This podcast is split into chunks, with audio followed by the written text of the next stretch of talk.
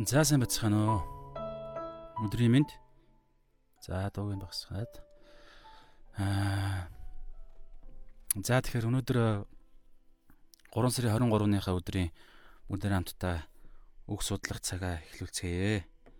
Чимээгөө цагаа эхлүүлцгээе. Хамтдаа бүгдээрээ ариун сүнснийхаа тусламжаар бор хоолоо хоолоо бүгдээрээ сүнснийхаа хоолыг аа хүсвэл цаг зав нэгдэл байвал эзэн наачтан чиглүүлж байгаа бол бүгдээ хамтдаа судалцгаая. За тэгээд залбирая. Өнөөдрийн чимээгөө цаг сүнслэг хоолой хамтдаа хуваалцах цаг маань Матай 2 дугаар бүлгээр байгаа. Тэгэхээр бүгдээ хамтдаа залбираад эхлэе те. Хаа вэ та хотын улсын хаанч байж болон байгаа газраас хамтдаа сүнсээрээ нэгдээд энэ цаг мөчөд нэг ч гисэн зүйл эзэн надад ухааруулж зүрхэнд минь хэлэх болтугай гэдээ хамтдаа залбирцгаая. Халелуя Есүс. Эзэн минь бид таньда яг энэ цаг мөчид тань руугаа хандж байна. Тэгээд аава хоёр дахь өдөр дахин таныхаа өмнө ирэхийн боломж цаг заваар хангаж өгсөн таньда баярлалаа.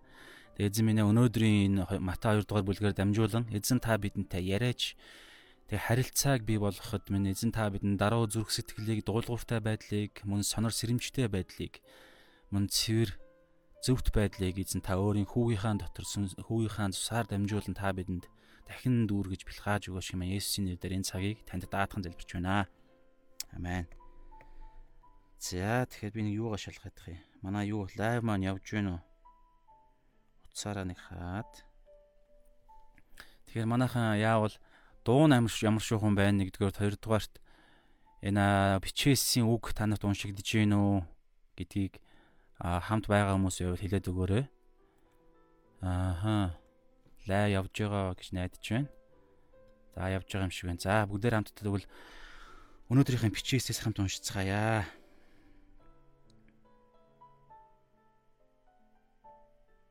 За дах. Би нэг юугаа гаргах.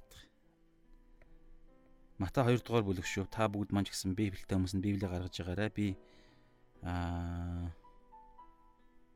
бас нэг давхар комент унших шаардлагатай гэж бас бодол төрсөн. Өчигдөр бас зарим нэг зүйл дээр би дутуу байсан учраас тэрийг бас хүмүүс сануулхад их амар юм байлээ. Комент хэсгийг гаргачихъя. За.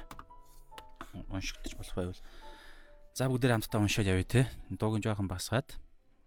Өчигдөр хамт байсан хүмүүс байгаа бол бид нар Мата 1-р бүлгээр эзнийхээ өвхтэй хамт байж сүнсээ хооллсон байгаа. Тэгэхээр өнөөдөр бүгдээр хамтдаа Мата 2-р бүлгийг А нэгдүгээр бүлэг дээр бол өчигдөр Есүс Христийн угийн бичиг болон а Есүс Христийн төрөл дөнгөж төр хүртэлх үйл явдал гарсан. За тэгэхээр би хоёрдугаар бүлгийг эхнээс нь дуустал нь нэг нэг дор бүгдийг уншаадах яа тэгж жагаад дахиад дор дор нь цус хараад явъя. За Мата хоёрдугаар бүлэг. Мэргэдийн айлчлал гэсэн нэртэй хэсэг хэсгээр эхэлж байна. Херод хааны өдрүүдэд Юудын Битлегэм хотноо Есүсийг төрсний дараа дорн зүгээс мэрэгд Иерусалимд хурч ирээд саяхан мэндэлсэн юудэчүүдийн хаан хаан байна. Бид зүүнтэд түүний одыг хараад түүнд мөргөхөөр ирлээ гэжээ. Херод хаан болон Иерусалим даяар үүнийг сонсоод дүгшиж гин. Бүх ахлах дахилч болон ард олонны дундах хуулийн багш нарыг цуглуулад Христ хаан төрөх ёстойг тэр лавлжээ. Тэд түүнд Юудэн Битлехемд учир нь иш үзүүлэгчийн бичснээр Юда нутгийн Битлехемэ Юдагийн дээдсийн дунд чи огтхонч дорд бус ард түмэн болох Израилийн Израилийг хариулах удирдахч чамаас гарах болно гэсэн гэж хариулв. Херод мэрэгдийг нууцаар дуудаж од үзэгдсэн цагийг тэднээс лавлан асуужээ. Тэр тэднийг Битлехэм рүү явуулж яв Тэр хүүхдийг сайтрахаа олмогцоо надад мэдэгдэх түн би бас очиж түүнд мөргөн гэлээ.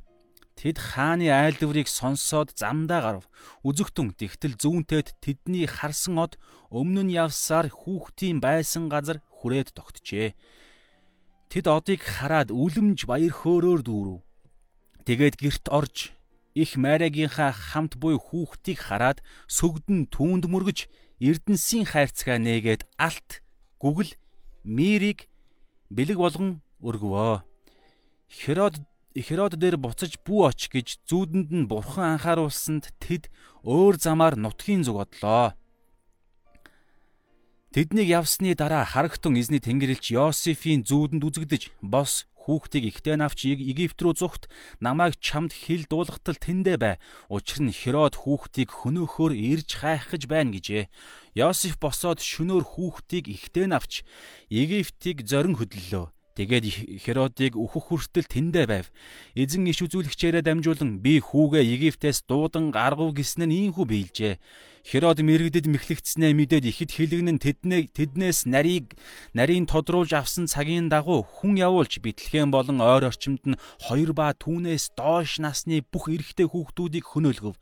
Иш үзүүлэгч Ерямягаар хилүүлсэн нь тэгэхэд биелэгдсэн агаад ихэд гашуудан ойлголтуу Рамад сонстов Рахайл хүүхдүүдийнхээ төлөө үйлнэ. Тэд нь үгүй болсон тул тэрээр тайтгарал авахыг үл хөсөв гэсэн байдаг. Тэгээд Херодыг өгсөний дараа Египтэд эзний тэнгэрлэгч Йосефийн зүүдэнд гинт үзэгдэж бос хүүхдийг ихтэй нь авч Израиль нутагт оч хүүхдийн амийг хайгчд өгсөн гэв. Тэр босож хүүхдийг ихтэй нь авч Израиль нутагт ирэв. Эцэг Херодынхаа оронд Юудэг Архел хаанчилж байгааг Тэр харин сонсоод тийш очихоос айжээ. Зүүдэнд нь бурхан сэрэмжлүүлснээр Галил хавь руу тэр явлаа. Тэгээд Назар гэгдэх хотод очиж сууршив. Назарынх гэж тэр дуудагдах болно гэж иш үзүүлэгчдээр айлдуулсан нь ийхүү биелэгдэжээ.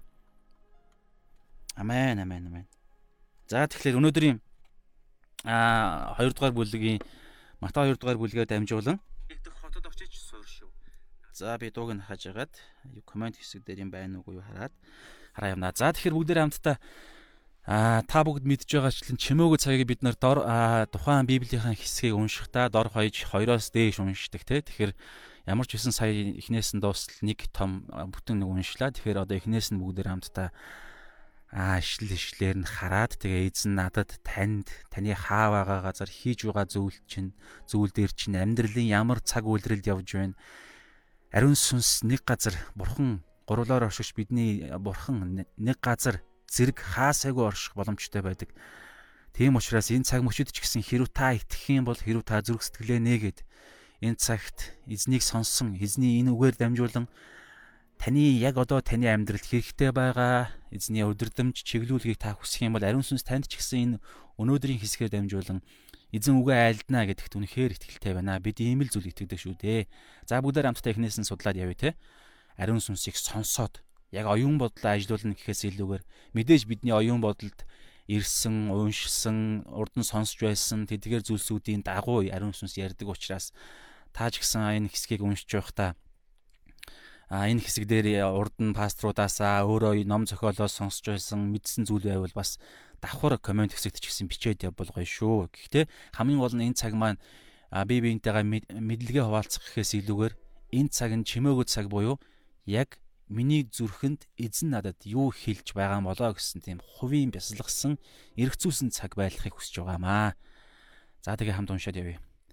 За тэгэхээр хардаа а өмнөх бүгдээрээ хам сэдв буюу өмнөх бүлгээ бүгдээрээ хальт санах юм бол а бүгдээр хайлт гаргаад яг сүүлийнх нь ишлэлтэй сүүлийнх нь ишлэл сүүлийн хэсгээ бүгдээр харъя. Тэндээс шилжилт явагддаг учраас бүгдээр Матай 1-р бүлгийнхаа бүлгээ бүгдээрээ хараад хамгийн сүүлийн хэсгээр ямар хэсэгт гараад дуусж байгаа вэ?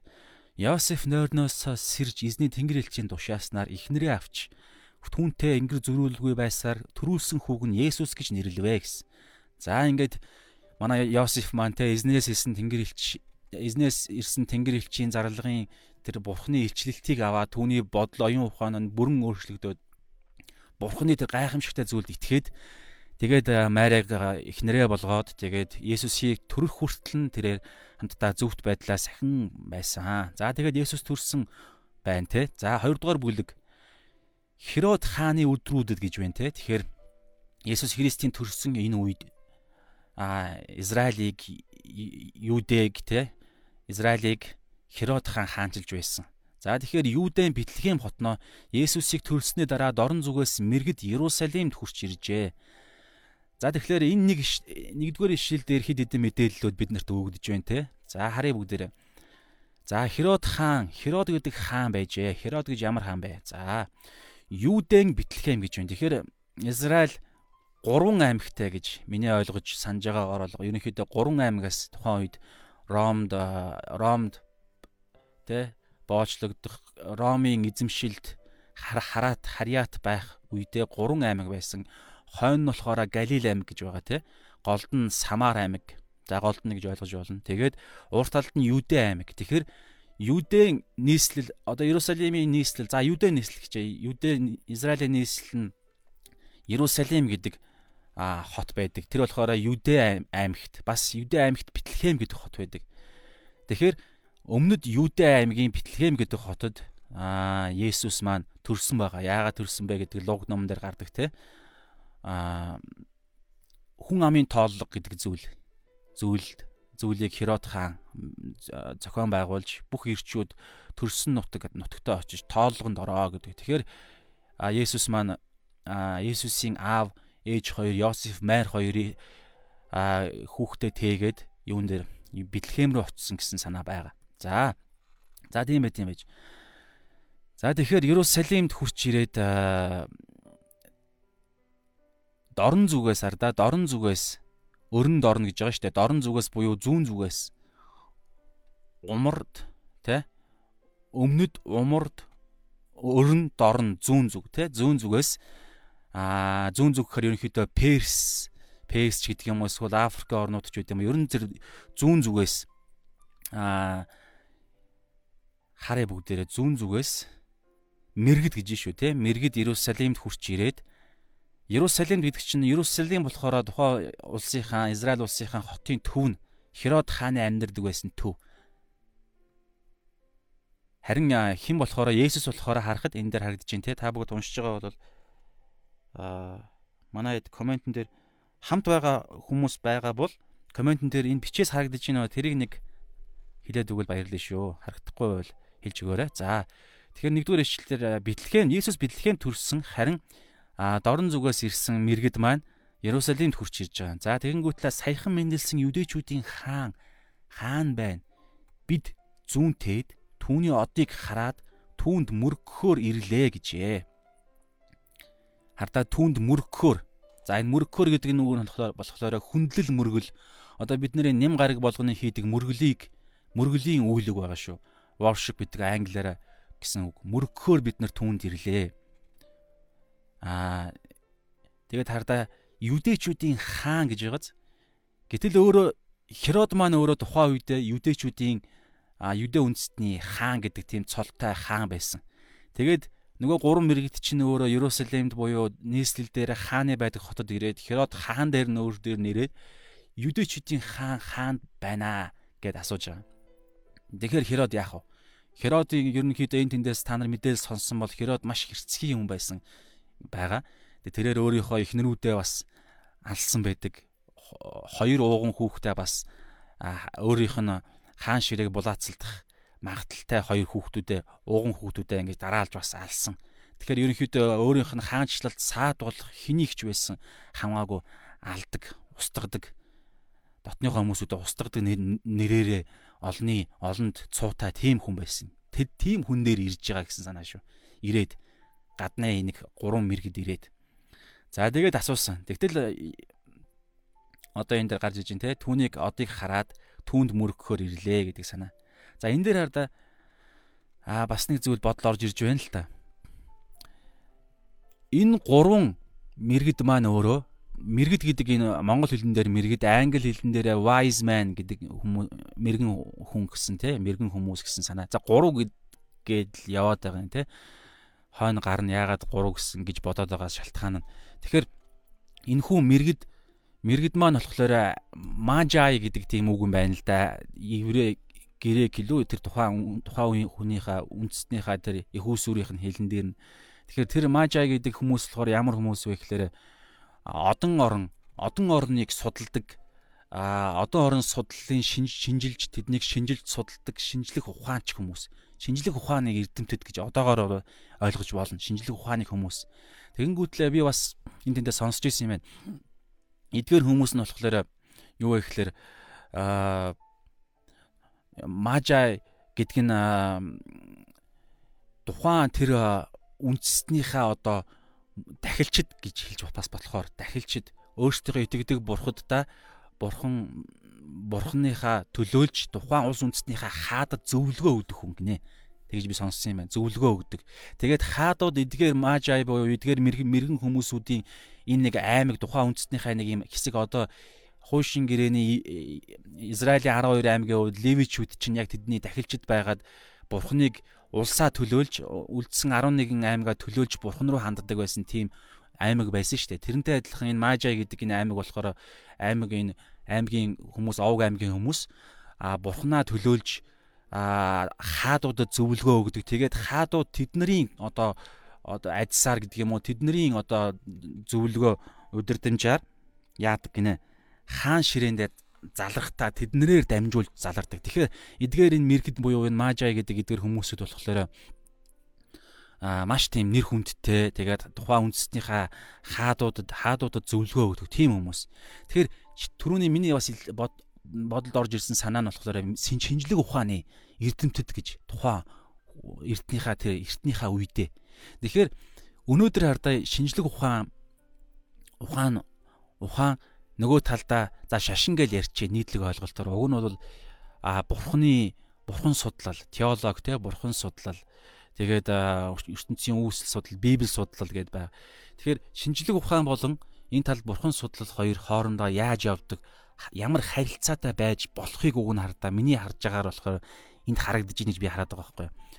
Шинжлэх ухааны эрдэмтэд баг а 3 за 3 гэх юм уу хэд чинь 3-аас дээш эрдэмтэд ирээд ирээд а евдэчүүдийн хаан хаанд одоо харъя бүгдээрээ. Хэдвэр ишлэлээр байла. Мөргөхөр гэдэг айнд биш те евдэчүүдийн хаанд мөргөхөр ирлээ гинэ. Энэ хардаа за би шараар тодруулчлаа. Түүнийг одыг хараад түүнд мөргөхөр тэгэхээр шинжлэх ухааны эрдэмтэд шинжлэх ухаанаасаа судалсан олж мэдсэн мэдлэгээрээ а тэр хаанд мөргөхөр хүндлэл мөргөл өргөхөөр ирж байгаа гэсэн санаа шүү. За ингээд чааш нь бүгдээр явъя. За энэ дээр би нэг товчхон бичээд 2 дугаар ишлэл гээд ингээд явъя. 2 дугаар ишлэл дээр шинжлэх ухаан дараа нэнтэй холбогдлолтой бүгдээр хамтдаа бас юу гарах учраас хэрэгжүүлэлт гарах учраас те шинжлэх ухааны эрдэм эрдэмтэд а бурхны хүүд мөргөл өргөхөөр ирсэн. За ингээ орхичээ. За тэгээ чааш уншаа байв. Херод хаан. За ийм нөхцөл байдалтай нөгөө дорн зүгээс мэрэгдүүд ирээд а ирсэн. Тэгээ хаан хаан байна гэдэг. Нөгөө нэг айхтар мэдээ гэдгүн дамжуулчихж байгаа байхгүй юу. Гэтэл Херод хаан болон Ерусалим даяар үүнийг сонсоод дүгшиж гинэ.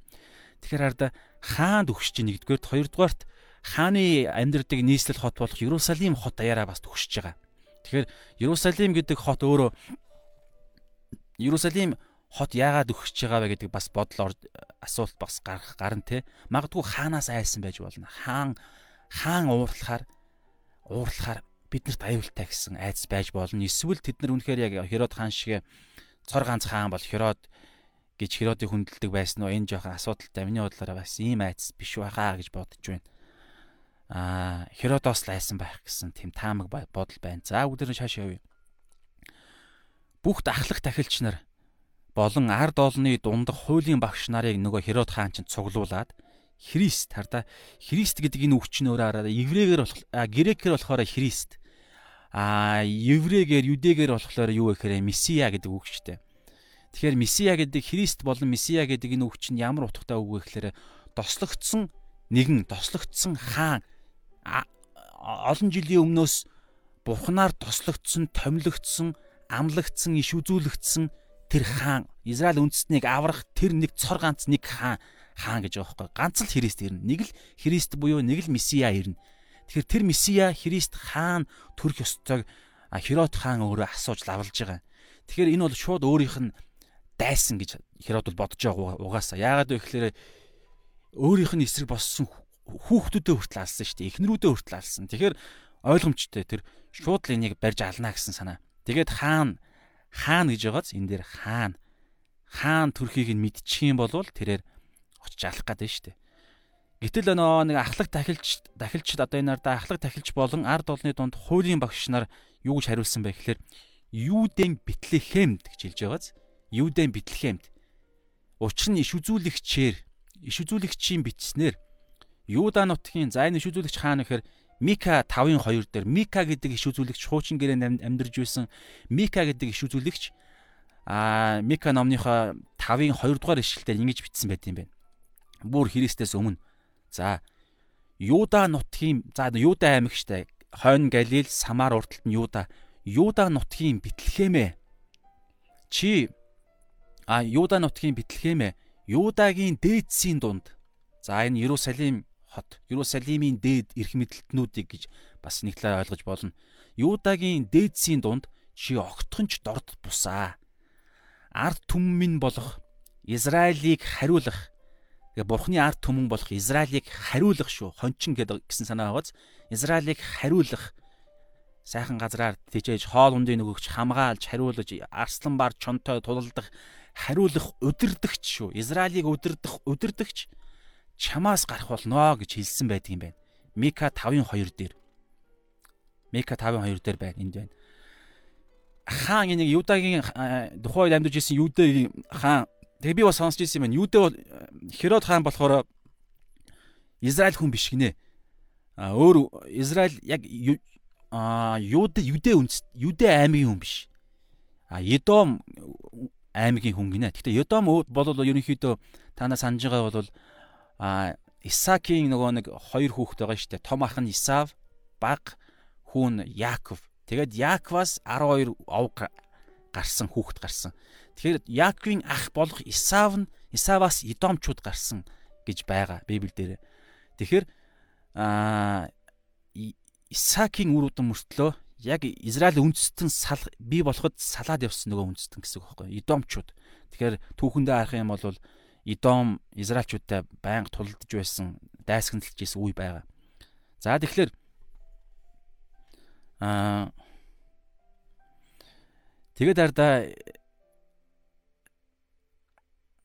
энэ дээр нөгөө Херод хаан чинь иш үзүүлэгч Мика 5-ын 2 дээр хэлсэн хэлсэн нөгөө Юда нутгийн Бэтлехемэ гэдэг энэ аа юг сонсоод за Бэтлехемд юм байна гэдгийг олоо мэдчихэж байгаа. За Бэтлехемд нөгөөний месиа чинь төрөх юм байна. Тэрийг нэгдүгээр тийш үзүүлэгч хэллээ. Хоёрдугаарт бүр гадны энэ нэг а мэрэгдүүд те мажаа нөгөө нэг энэ перс ч юм уу юу ч үдэ тэр тухайн үед хүчрэх байсан аймагуудын тэр хаадад хаадуудад зөвлөдөг хаадуудыг бүр ингэж томилхот нь оролцдог тийм баг хаадаас бурхныхаа оролдог гэдэг утгаараа хаадаас баг зарим талаараа их мэдлэлтэй шахуу тийм мэрэгдүүд ирээд тухайн үед ромын хараат байсан тэр Израиль үндэстний ромчуудад биш ром ром үндэстний хараат байсан доор нь дарлагдж байсан Израиль үндэстний үндэстэн дээр ирээд мөрөх гэж шаардаа мөргөн хүндлэх гэж ирж байгаа байхгүй тэр тухайн үед өөр үндэстнүүдийн тэр мэрэгэн мундаг шинжлэх ухааны эрдэм докторууд ирээд мөргийгээд ирж байгаа. Тэгэхээр энийг Херод хаан сонсон гутлаа шууд за эн чин зүгээр нэг энгийн Ер нь ардаа тухайн үед Херодын эсрэг, Ромын эсрэг байнга л янз янзын бүтэлтэй бүтлгүй хүмүүс гарч ирж бослогууд хийгдэж байсан. Тэгэхээр тэд нартай адилхан биш. Маш тийм одоо юу гэдэм аа учир шалтгаан тий ач холбогдол өгөхгүй өгж энийг барьж авахгүй бол энэ яг нөгөө нэг айхтар гаравт чинь гарч ирэх гээд намайг нөгөө нэг хаан ширээг минь булаа хүн яг гарч ирэх чинь гээд а асуусан. Тэгээд ямар ч байсан энэ хүү Микагийн иш үзүүлэлгээр юу мэдсэн бэ гэхээр Юда аймагт Бэтлехемд төрөх юм байна гэдгийг олоо мэдчихэж байгаа. За цааш нь явъя. Херод мэрэгдийг нууцаар дуудаж. За нууцаар гэж шүү. Од үзэгдсэн цагийг тэднээс лавлан асуужээ. Од үзэгдсэн цагийг гэж байгаа шүү. Од үзэгдсэн цаг. Тэгэхээр хараа түрүүн ингээд дээш нь харъя бүгдээрээ.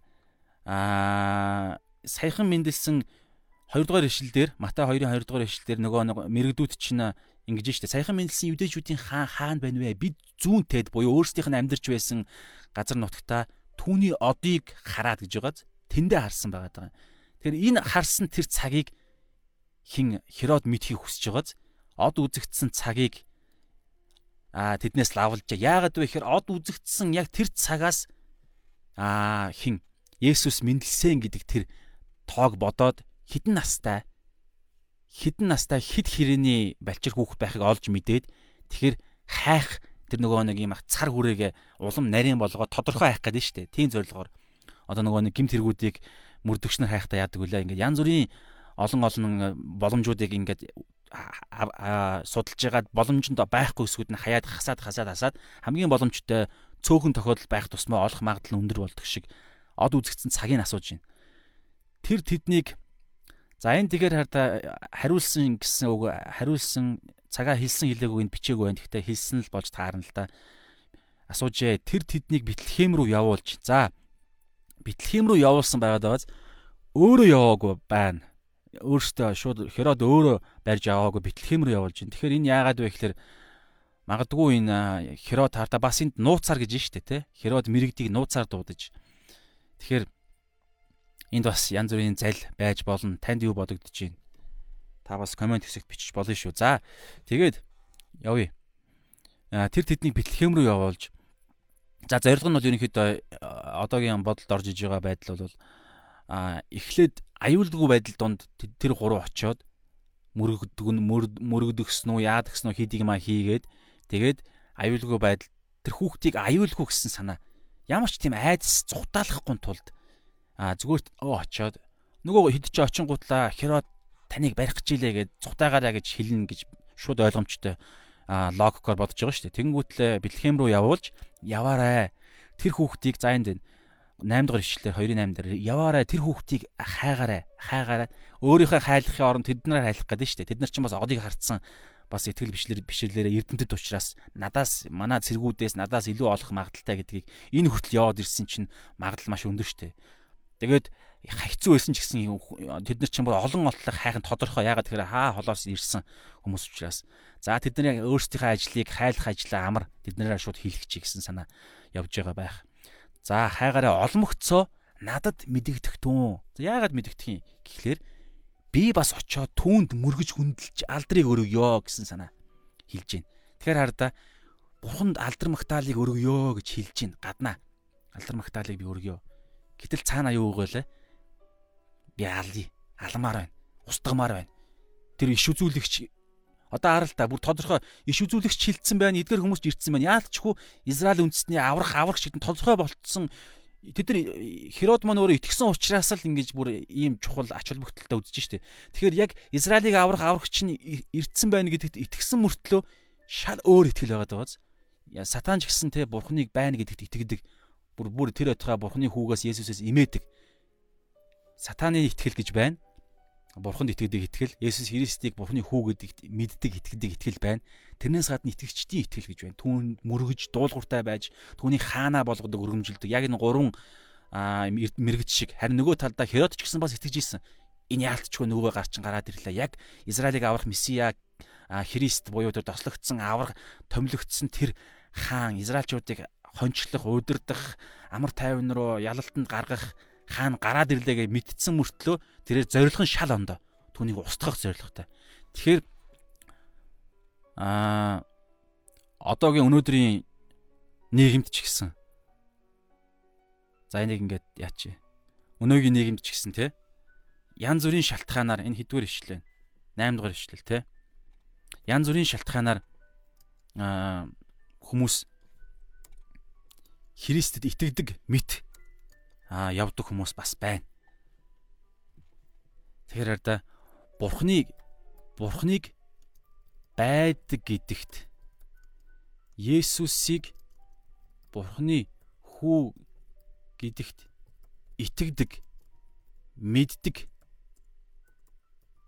мэддэг мөртлөө түүнийг те а түүнийг томоор бичнэ энэ дандаа томоор бичдэг дээ түүнийг а хүндэлдэггүй хүндэлж мөргөж тэ дагаж захирагддаггүй хүмүүс байдаг аа гэдгийг энэ 8 дахь ишлэлээр харуулж штэ. Яагаад вэ гэхээр хараа тэр тэр хэдийн бэлтгэмэр явуулдаг яв тэр хүүхдийг олмогцоо бас би бас очиж түүнд мөргөнөө гэж байгаа сте. Мөргөнөө гэж. Тэгэхээр энэ мөргөлийн мөргөл хүндэтгэлийн процесс ч гэсэн гаднаа мөргөл явагддаг мөртлөө мөргөл хүндлэл гаднах байдлаар биш а зүрхнээс байсан цагтл тэ байсан цагтл энэ нь жинхэнэ утгаараа болдгоо. За ингэсгээ биччихье. За тэг чааш явъя бүгдээрээ. Аа 9-өөс эхлээд хаа тэд хааны айлдварыг сонсоод замдаа гарав. За нөгөө гуравчин замдаа гараад үзэгтэн тэгтэл зүүнтэй тэдний харсан од өмнө нь явсаар хүүхдийн байсан газар хүрээ тогтжээ. Үзэгтэн нөгөө харагтун үзэгтэн гэсэн хиллэг яваад байгааз. Тэгэхээр ийм хиллэг гарах болгондоо бүгдээрээ хамтдаа тэг гой төсөөлж тэр зүйлийг аа боддог те. За тэд хааны айлдварыг сонсоо замдаа гараад үзэгтэн тэгтэл зүүнтэд түүний харсан од өмнө нь явсаар хүүхдийн байсан газарт гэж байгааз энэ тардаа би бас нэг зүйл яг урд нас бодогдчихсэн санагдаж байна. Хүүхдийн байсан газар гэж байгааз хүүхдийн байсан газар 9 дугаар ишлэл дээр. Гэтэл одоо хардаа за энэ 9 дугаар ишлэлийг бодож байгаарай. Тэнгүүт л энэ тардаа өмнө нь 2 дугаар 2 дугаар ишлэлээр хардаа сайхан мэндэлсэн юдэчүүдийн хаан хаан байна вэ гэж байгааз хаан байна ба тэд нар хаан бай яг хүүхдийн байсан газрыг мэдхгүй Иерусалимд Херод ирсэн байгаад байгаа байхгүй. Гэтэл энд болохоор яаж юм? 9 дугаар ишлэл дээр нөгөө одыг хааны ордноос гарангуут л хардаа баг нөгөө од нь тэднэрт дахиад харагдаад эхэлсэн юм шиг. Өмнө нь харагдахгүй болцсон юм шиг. Эсвэл төөрцсөн юм шиг. Эсвэл нөгөө од нь амар тодорхойгүй яасан үүлний цагаар орцсон юм уу яатсан те. Аа тэгээд тийм болохоор тэр шууд очихгүй аа нөгөө од нь харагдахаа болцсон магадгүй яг ингээд үүл мүлний цаагаар ороод Энэ бас бурхан ямар төлөвлөгөө хэрэгжүүлж байна те. Тэгээд аа тийм учраас одоо олдохгүй байгаа учраас нөгөө гуравч яасан бэ гэхээр 2 дугаар ишлэлээр за юдэчүүдийн хаан төрн гэдээ бүр айл эзэнэ бүр бид нар харь үндэстэн бид нар хүртэл мэдж байгаа юм чинь юдэчүүд нь өөрсдөө бүр сайн тодорхой мэдж байгаа. Тэгээд тийм учраас тэд нар өөрсдөө хааныгаа тослогдсон месияга хаан төрхийг маш сайн мэдж байгаа учраас яг одоогийн захирч байгаа хаан дээр нь очио. Тэд нар угаасаа хилээд өгнө. Гэд очсон процесс явагдаж байгаа байхгүй. Гэтэл шал өөр зүйл хүлээж авсан. Гэхдээ одоо мөдөг байгаа. Тэгээд ямар ч үсэн ингээд э, хааны ордноос Херодын ордноос гараад явсан чинь яасан бэ гэхээр магадгүй үүлэн нээгдээд нөгөө од чинь дахиад гараад ирсэн. Тэгэхээр энд ямар зориг явагдаж байна те. Тэгээд одоо бол хаантай хаангүй яасан бэ гэхээр хаан гэхдээ аа Гэхдээ энэ тардаа хаан Юдэ нутгийн Бэтлехемдэ гэдгийг аа хаан бол өөрөө мэдсэн шүү дээ тий. Дахилч нар болон хуулийн багш нараас мэдсэн аа тэ энэ одоо энэ ингээ мэдсэн байгаа. Тэгээд тэр мэдснийгаа 3 мэрэгдэд 3 гинэ. Тэр мэрэгдүүдэд ер нь хэлсэн үү гэдэг санаа. За хэлсэн байсан ч гэсэн тэр битлэгээ мотын яг аль байшин дээр хаан яг ямар болонд хаан төрж байгааг мэдэхгүй штэ. Магадгүй хэлсэн байх. Хаан Херод тэр нь өөрт нь ашигтай учраас хэлсэн байх гэж бодож байна. За тэгээд нөгөө одоо дагаа цаашаага 9 дугаар ишлээ харъя. Тэ? а өмнө нь явсаар явсаар гэж байгаа. Тэгэхээр хайгаад явж итэл нөгөө од чинь ингээд туяагаараа кино манон дээр дүрсэлдэг штэ. Туяагаараа ингээд чиглүүлэл чиглүүлэл яваад исэн. Тэр туяа чи өөрөө та нар мэдж байгаа штэ. Үүлэн цорхоогоор ингээд туяа тусдаг штэ. Тэгэхээр үйл од бол ерөнхийдөө пүн гэж хаасаагүй цацарж байгаа. Яг тодорхой нэг хэсэг рүү цацарна гэхээс илүүгээр харин үйл үйл түүний түүнийг ингээд цоорхоо үүсгээд жижигхэн ийм цоорхоо үүсгээд Тэгээ тэр цорхоогоор ингээд яхаар ингээд нөгөө гарч идэн шиг ингээд ийм туяа харагддаг штэ. Тэгэхээр тодорхой ингээд чиглэлийг нөгөө муур зуурыг ингээд тоглуулахад ингээд нэг ийм гэрэл гаргаад хөдлөгдөг штэ. Зааж магаа чиглүүлж боддог. Тэрнтэй адилхан үүл өмнө ингээд чиглүүлээл яваадсэн. Явж явж байгаа тэр үүл нь баг амтай хөдөлжсэн байгаа байхгүй. Тэгэхээр аа тэр өмнө нь алга болсон тэднэд одыг харагдахгүй болсон ч гэсэн бурхны удирдамж төлөвлөгөө байсан тодорхой болж байгаа байхгүй. Тэг чаашаа ингээд явсан. За 10-ыг бүгдээр уншия. Тэд одыг хараад Одоо бүр энэ дээр маш тодорхой хар да. Тэд одыг хараад үлэмж баяр хөөрөөр бялхав гэж байгааз. Тэгэхээр өмнө нь яалтчгүй а од нь харагдах. Лайман дундуур нь тасалдчихсан уу яачсан бэ манайхаа? Байна уу? Явж л ах шиг. За за. Йой. Технологи бас аюултай шүү те. За. Тэгэхээр тэр юу ярьж илаа? 10 дугаар ишлэлээр те. Аа тий. Тэд одыг хараад үлэмж баяр хөөрөөр баяр хөөрд үрсэн. Тэгэхээр өмнө нь тэд одоо алдчихсан байсан тий гэсэн санаа. Тэгсэн чинь одыг хараад баяртайгаар цаашаа гараад ирлээ. За одоо бид нар зоригтой хурж болох нэ гэдэг. Тэгээд 11 дээр тэгээд герт орж их майрагийнхаа хамт буй хүүхдийг хараад сүгдэн түүнд мөргөж эрдэнэсийн хайрцгаа нээгээд алт гүгэл мэрийг бэлэг болгон өргөвөө гэж байна. За энэ бол энэ дотор бас гайхалтай аж ахуй зүйлс энд гарч ирдэг. За тэгээд хардаа энэ дээр хардаа ингэж байгаа штэ. гэрт гэдэг үг байна шүү дээ, тэ гэрт. Тэгэхээр урднаас яг энэ хэсгийг судлаад явж байхад э, санагдж ирсэн зүйл олж мэдсэн бас нэг зүйл нь юу гэхээр бид нар ингээд Христ Христ мэндэлсний баяртай за Христмас гэдэг үг чинь ч гэсэн асуудалтай гэл бид нар бас хоорондоос ярилцдаг те Христмас гэдэг нь яг а Христийн эсэргүүцэж байгаа юм шиг тийм нэг хэллэг те анти Христийн баг хиллэгч юм шиг нэг тийм судалгаа бас яваад байсан. Тэр ч утгаараа за тийм ямар нэгэн яриа байгаад бол би ямар нэгэн байдлаар сатаанд ч юм уу хин нэгэнд шалтгаан өгөхгүй тулд аль болох монгол үгээрээ Христ мэндэлсний баяр гэдэг үгийг хэрэглэж сурахыг хичээг явж байгаа. Тэгэхээр Христ мэндэлсний баяр баярын үеэр нөө nativity story гэдэг нөгөө Христ мэндэлсэн түүхийн талаар янз бүрийн зураг те янз бүрийн зүйлс дунд ч нөгөө нэг яг Есүсийг төрөх үед яг тэр малын твшинд байх үед хончид гурван мэрэгд бүр яг гурван мэрэгд ирээд гурван энэ бэлгээ өгдөг ийм дүр зураглаар бид нар жүжиг хийдэг те. Тэгэхээр ерөнхийдөө энэ бол аа яг уран сайхны юм уу эсвэл яг ингээд нэг үйл явдлыг тэр жүжигт оруулаад ингээд бадсан байдлаар л хийж байгаа болохоос биш яг түүхэндээ болохоор э, олон эрдэмтэд би бас урдан сонсч ирсэн юм байна. Яг Христ мэндэлсэн тэр үед нь 3 за 3 ингээл яваад байгаа юм те. 3 ба түүнээс дээш мэрэгд яг Христийг мэдлэх үед малын дэвшинд орж ирээгүй байгаад байгаа байхгүй яг судалгаагаараа энэ эрдэмтдийн ярьж байгаагаар бол яагаад гэвэл одоо энэ харда 18 А Матай 2-ын 11 дугаар ишлэлээр гэрт гэдэг үг байгааз гэрт. Нөгөө нь юунд биш, малын твшинд биш.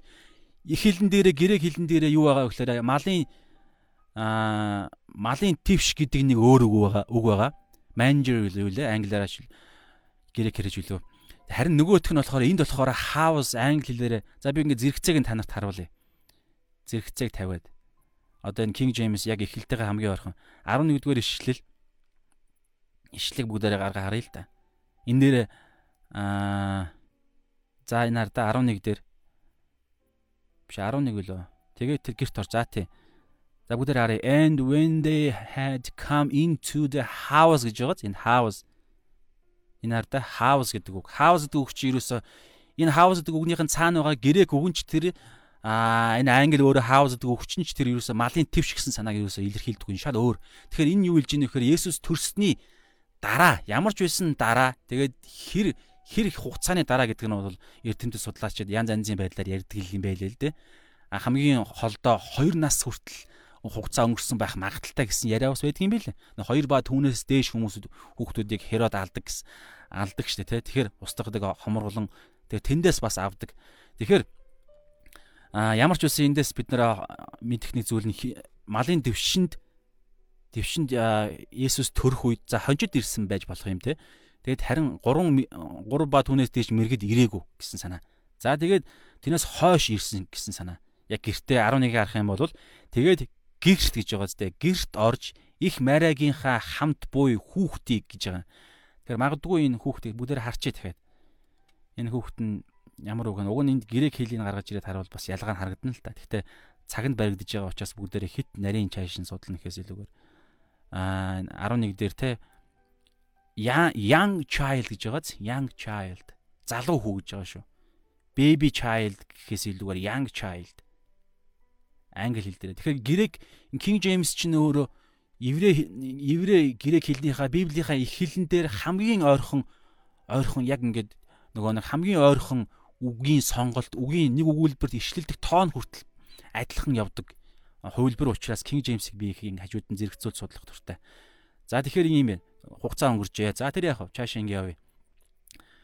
Тэгээд тэд буюу нөгөө 3 ба түүнээс дээш мэрэгд герт ороод үлэмж их аа герт ороод их майрагийнхаа хамт буюу залуу хүүхдийг хараад сүгдэн түүнд мөргөж ер нь зэрэгцээлд тавьчих дөө. Ингээ уншаа авч. За аа түүнд мөргөөд мөргөөд тэ хаана? How was in saw the young child he's and fell down in a worship team гэж байгаа зү. Түүнд мөргөн сөгдөө зүгээр одоо юу гэдгийг аа ингээд баав гэдэг нэг юм сүгдэлт үүдэн штэ нэг англиараа баав буюу ингээд сүгдэн мэндэлдэг мөргөлт биш энэ хараа worship гэж байгаа зү. Түүнийг хүндлэн мөргөлж магтаал хүндлэлийг өргөсөн. Эдгээр ч өөрсдөө тухайн үндэстэндээ дахилчид байхгүй юу? Дахилчид мөргөлчид тэгээ дээр нэмээд эрдэмтэд одон орон судлаач нар шинжлэх ухааны эрдэмтэд тэд мөргөөд тэгээд эрдэнсийн хайрцагаа нэгээд алт гүгэл мэрийг бэлэг болгон өргөвөө гэсэн санаа.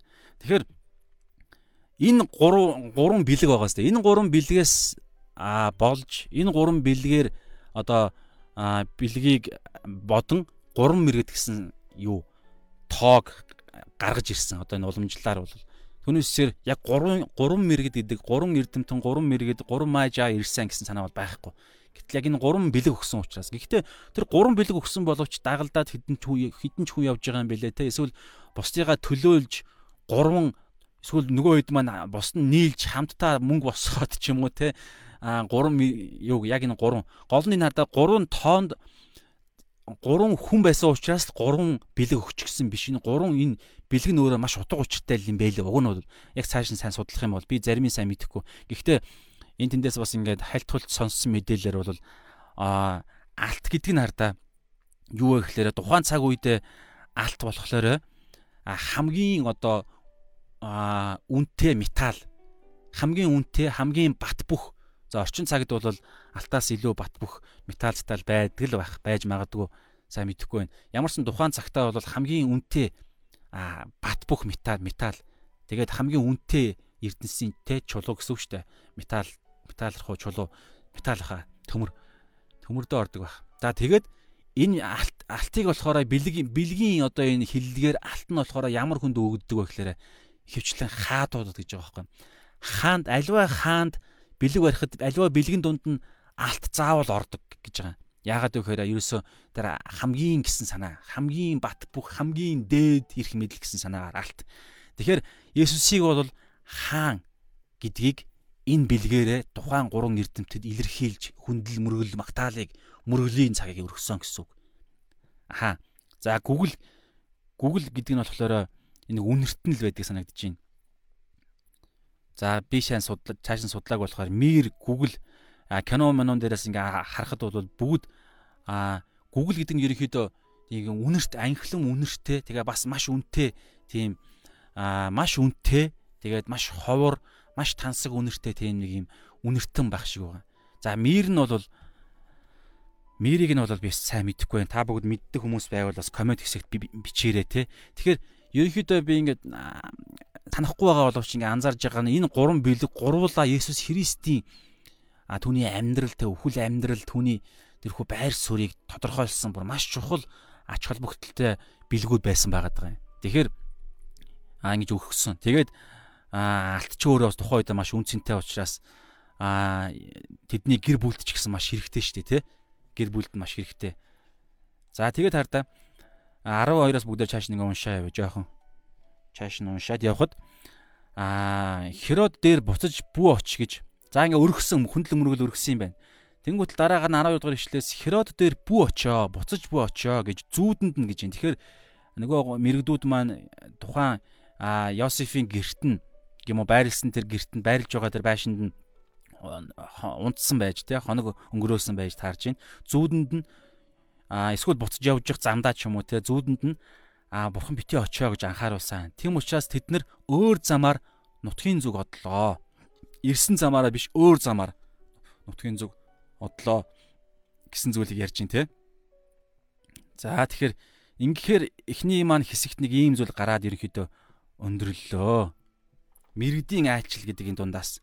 Тэгэхээр эндээс бүгдээр хамтдаа аа ойлгож байгаа санаж байгаа зүйлээр хэрэгжүүлэлт гаргахын тулд те аа Матай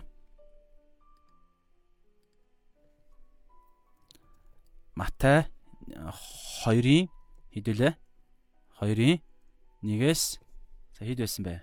Эхний хэсэг нь 12 12 хүртэл дунд эдгээр зүйлс болчоод байна шүү дээ. Тэ? Нөө. За энэ минь нарийн шир юм яах вэ, тэ? За. Тэгээд аа тэгээ энэ дунд хардаа шинжлэх ухааны эрдэмтэд бид нар эрдэмтэд гэсэн санаа. Тэгээд эрдэмтэд бурхан шинжлэх ухааны эрдэмтэд аа дахилчид тэ хаадыг томилогч нар хаадыг томилогч нар гэж би сонсч ирсэн юм байна. Энэ гурван мэрэгдийн байр суурийнх нь үн цэн нь. Тэгээд бурхны хүүд мөргөл хүнд мөргөл өргөхөөр ирсэн гэдгийг бид нар нэгдүгээр хоёрдугаар ишлэлээс олж харлаа. За тэгэнгүүтлээ а 8 дугаар ишлэлээс бид нараас өөр юу харсан байна. Гэж. За 8 дугаар ишлэл дээрээс бид нар бүгдээрээ юу харсан бэ гэхээр аа Бурхныг байдаг гэдэгт Иесусыг аа тий нөгөө нэг Херодын үйл явдал донд те худлаа мөргөл худлаа түнд мөргөл хөндлөл өргөгч нар байдаг шүү. Худлаа худлаа мөргөгчд байна. Тэгсэн мөртлөө мэддэг мөртлөө мэддэгч яг итгэдэггүй хүмүүс байна. Итгэдэггүй хүмүүс байна гэдэг энэ мэдээллийг авчи.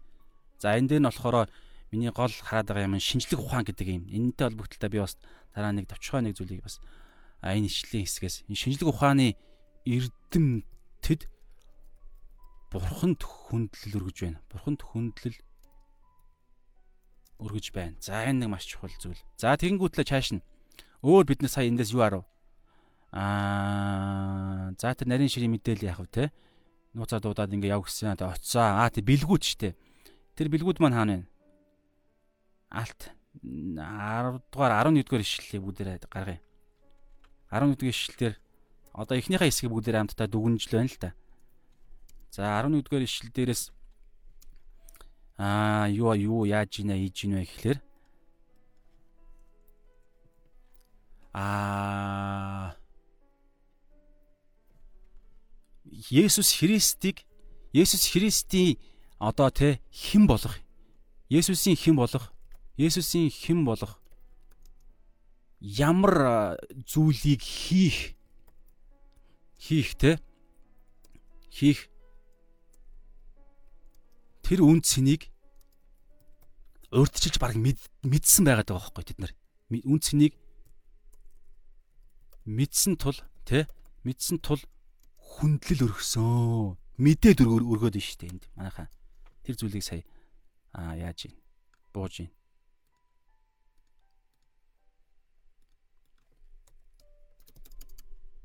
За.